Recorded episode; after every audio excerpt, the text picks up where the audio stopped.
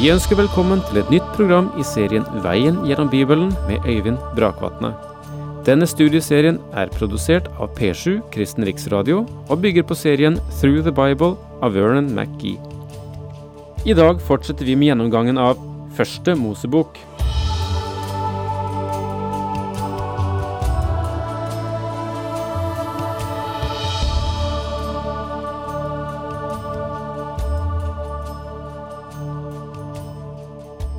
Da vi skiltes ad sist, så hadde jeg så vidt rukket å gi en liten oversikt over det 44. kapitlet i Første Mosebok. Men eh, jeg tror at vi eh, for sammenhengens skyld går tilbake igjen og leser fra det første vers i kapittel 44. Altså fremdeles Første Mosebok, kapittel 44, og vi leser fra vers 1. Siden sa Josef til sin husholder, fyll mennene sekker, så mye de kan få med seg og legg pengene fra hver av dem oppå kornet. Legg så mitt beger, sølvbegeret, øverst i sekken til den yngste, sammen med kornpengene hans. Og han gjorde som Josef sa. Neste morgen, da det lysnet av dag, fikk mennene far av sted med eslene sine. Men de var ikke kommet langt utenfor byen før Josef sa til sin husholder, Sett etter mennene, og når du tar dem igjen, skal du si til dem, Hvorfor gjengjelder dere godt med ondt? Hvorfor har dere stjålet sølvbegeret mitt? Det er jo det begeret som min herre drikker av, og som han bruker til å spå med. Dette var dårlig gjort av dere. Josef sender dem altså av sted, og brødrene begynner på hjemveien. De tror at alt er i orden. De har ingen anelse om begeret som er gjemt i Benjamins sekk. Men Josefs husholder setter etter dem, etter at han har fått spesielle instrukser. Da brødrene kommer et lite stykke på veien, blir de innhentet. Her kommer en hel tropp etter dem, og de ble anklaget for å ta det begeret som tilhører Josef. Da husholderen tok dem igjen, sa han dette til dem. Hvorfor taler du slik, min herre? spurte de. Gud fri og bevare dine tjenere fra å gjøre noe slikt. Legg merke til at husholderen sier at Josef bruker dette begeret til å spå med. Husk at Josef var en profet, og han var i stand til å forutsi det som skulle hende i framtiden. Det vet vi fordi han tolket drømmene både for bakeren, munnskjenken og for farao. Eh, kanskje han har brukt dette begeret, eller kanskje var det en del av den eh, ytre ramme han satte sine tydninger inn i? Vi må forstå at denne gaven til å profetere var en gave som Gud hadde gitt ham. Vi skal verken falle for dem som spår i kaffegrut eller teblader, og heller ikke ty til horoskopet som så forbausende mange mennesker ser ut til å støtte seg til i dag. Det er absolutt overtro. Det åpenbarer en bedrøvelig åndelig holdning i folket i dag når de venner seg til slike ting. Josef hadde den gaven. Den var ikke i begeret. Hans gave var fra Gud. Du ser, de pengene vi fant øverst i sekkene våre, hadde vi med oss tilbake til deg fra Kanan. Hvorfor skulle vi da stjele sølv eller gull fra din herres hus? Den av dine tjenere som det ble funnet hos, han skal dø, og vi andre skal være min herres treller. De var sikre på at ingen av dem hadde begeret. Han svarte, Vel, la det bli som dere sier. Den det finnes hos, skal være min trell, men dere andre skal være uten skyld. Så skyndte de seg og løftet sekkene ned på jorden og åpnet hver sin sekk. Husholderen undersøkte dem, begynte med den eldste og endte med den yngste, og begeret ble funnet i Benjamins sekk.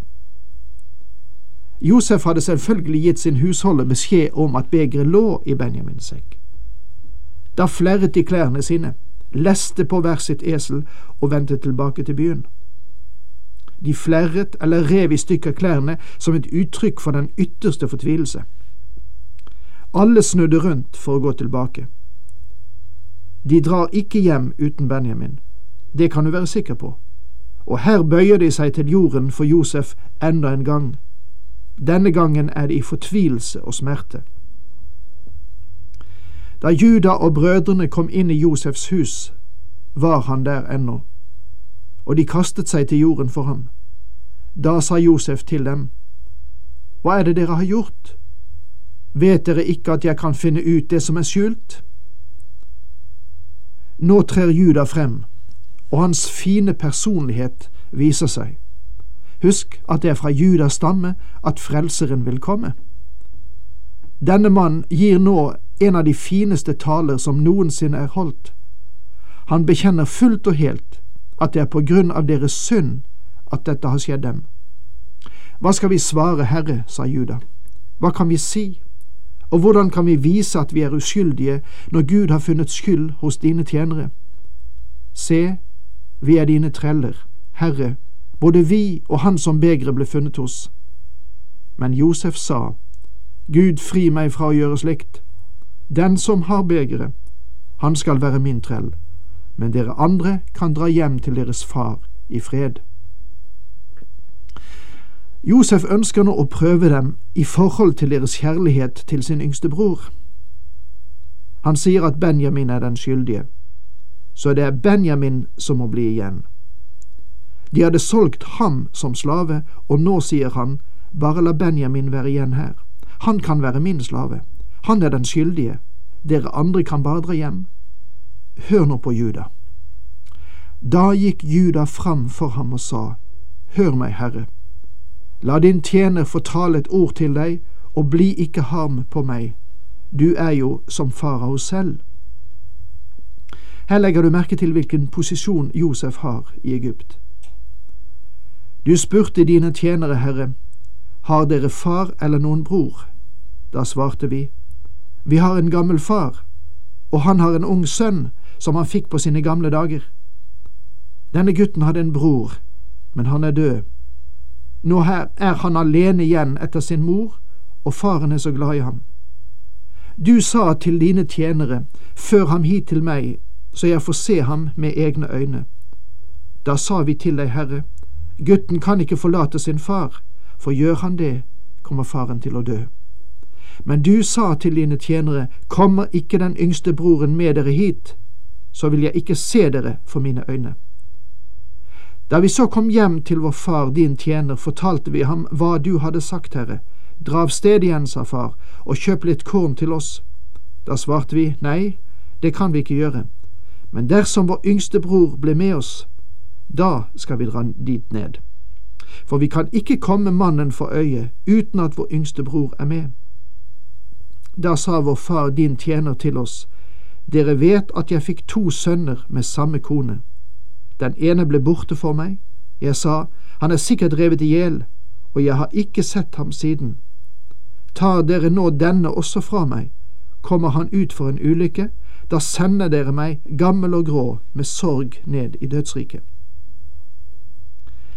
Juda gjengir her hva som har hendt, og hvordan deres far føler det. Faktisk så har faren blitt lurt, og Josef kan se det nå. Nå vet han nøyaktig hva brødrene fortalte sin far, og hva som hendte med ham for lenge siden. Og jeg antar at dette er første gang noen av dem hadde sagt så mye.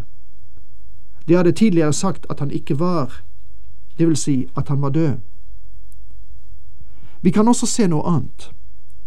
Jakob vokser i nåde, men han har ennå ikke nådd helt frem. Istedenfor å ha tillit til Herren, så lener han seg på Benjamin. Om noe hadde hendt Benjamin, ville det ha knust ham. Det ville ført ham til graven før tiden. Sorgen ville gjort av med ham. Og det er kristne i dag også som viser en vidunderlig og sterk tro på Gud når døden kommer og berøver dem noen av deres kjære. Andre bryter sammen når dette hender. Sorgen avslører på en meget hård måte hvor vår største tillit finnes, i mennesker som må dø, eller i Gud som blir. Den som tror, vil få en sterk støtte i denne tid, og vil ofte unngå å bryte sammen. Jakob står frem med en fullmoden tro, men ennå er han heftet ved Benjamin for sterkt. Et menneske skjuler ennå litt av Guds ansikt for Jakob. Min far din tjener er bundet til gutten med hele sin sjel. Skal jeg nå komme hjem til ham uten at vi har gutten med oss, så, så blir det hans død. Med det samme han ser at gutten ikke er med. Vi kommer til å sende vår far, din tjener, gammel og grå, med sorg ned i dødsriket. Legg merke til hvordan Juda her bekymrer seg for sin gamle far Jakob. Juda er gruppens talsmann. Jeg tror at alle de andre brødrene ville ha uttrykt seg på samme måte om de hadde ført ordet. For jeg, din tjener, tok på meg å svare for gutten hos min far. Jeg sa, Kommer jeg ikke hjem igjen til deg med ham, skal jeg stå i skyld til deg alle mine dager. La derfor meg bli igjen istedenfor gutten, og være din trellherre. La ham fare hjem igjen sammen med brødrene sine. For hvordan kunne jeg komme hjem til far når gutten ikke var med?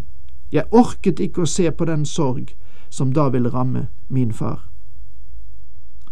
Igjen er Juda talsmann for gruppen, og jeg tror at hvilken som helst av brødrene ville ha ofret seg selv. Josef prøver brødrene, og de står alle med glans. De ville heller ta hans plass enn å se Benjamin bli slave i Egypt. Min venn, senere i historien kom det en i Juda-linje, løven av Judas stamme, som bar straffen for den skyldige. Gud viser sin kjærlighet til oss ved at Kristus døde for oss da vi ennå var syndere. Kristus tok den skyldiges sted. Ja, med dette må vi også forlate det 44. kapitlet i Første Mosebok, og vi er rede til å gå inn i det 45. kapitlet, så langt som tiden i dag tillater det. Altså, nå er vi ved kapittel 45. Historien fra foregående kapitler fortsetter rett inn i dette kapitlet vi nå skal behandle. Josef åpenbarer seg selv for sine brødre og identifiserer seg, gjør seg til ett med dem. Da orket ikke Josef lenger å legge bånd på seg for alle dem som sto omkring ham. Han ropte, La alle de andre gå ut fra meg. Så var det ingen andre til stede da Josef lot brødrene få vite hvem han var. Josef rydder rommet. Han satt i å gråte så høyt at egypterne hørte det, ja, de hørte det til med i faraos hus. Denne gangen klarte ikke Josef å komme ut av rommet. Han bare bryter sammen og begynner å gråte. Ingen vet hvorfor uten Josef selv. Hans egne brødre kjenner ikke til akkurat det, og tjenerne som er der, vet det ikke. Men nå er det ikke flere årsaker til at Josef skulle skjule sin identitet for dem.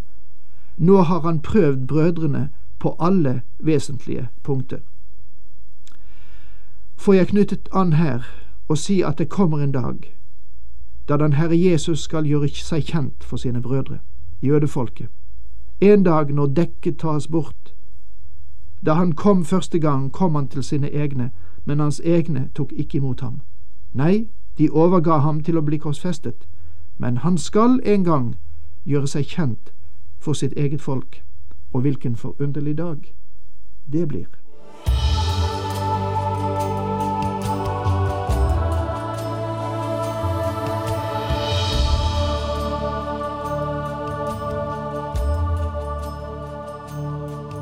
Du hørte Øyvind Brakvatne i studieserien Veien gjennom Bibelen. Serien bygger på et manus av Vern McGee. Har du spørsmål eller kommentarer til programmet, kan du sende en e-post til vgb krøllalfa p7.no. Takk for i dag, og på gjenhør.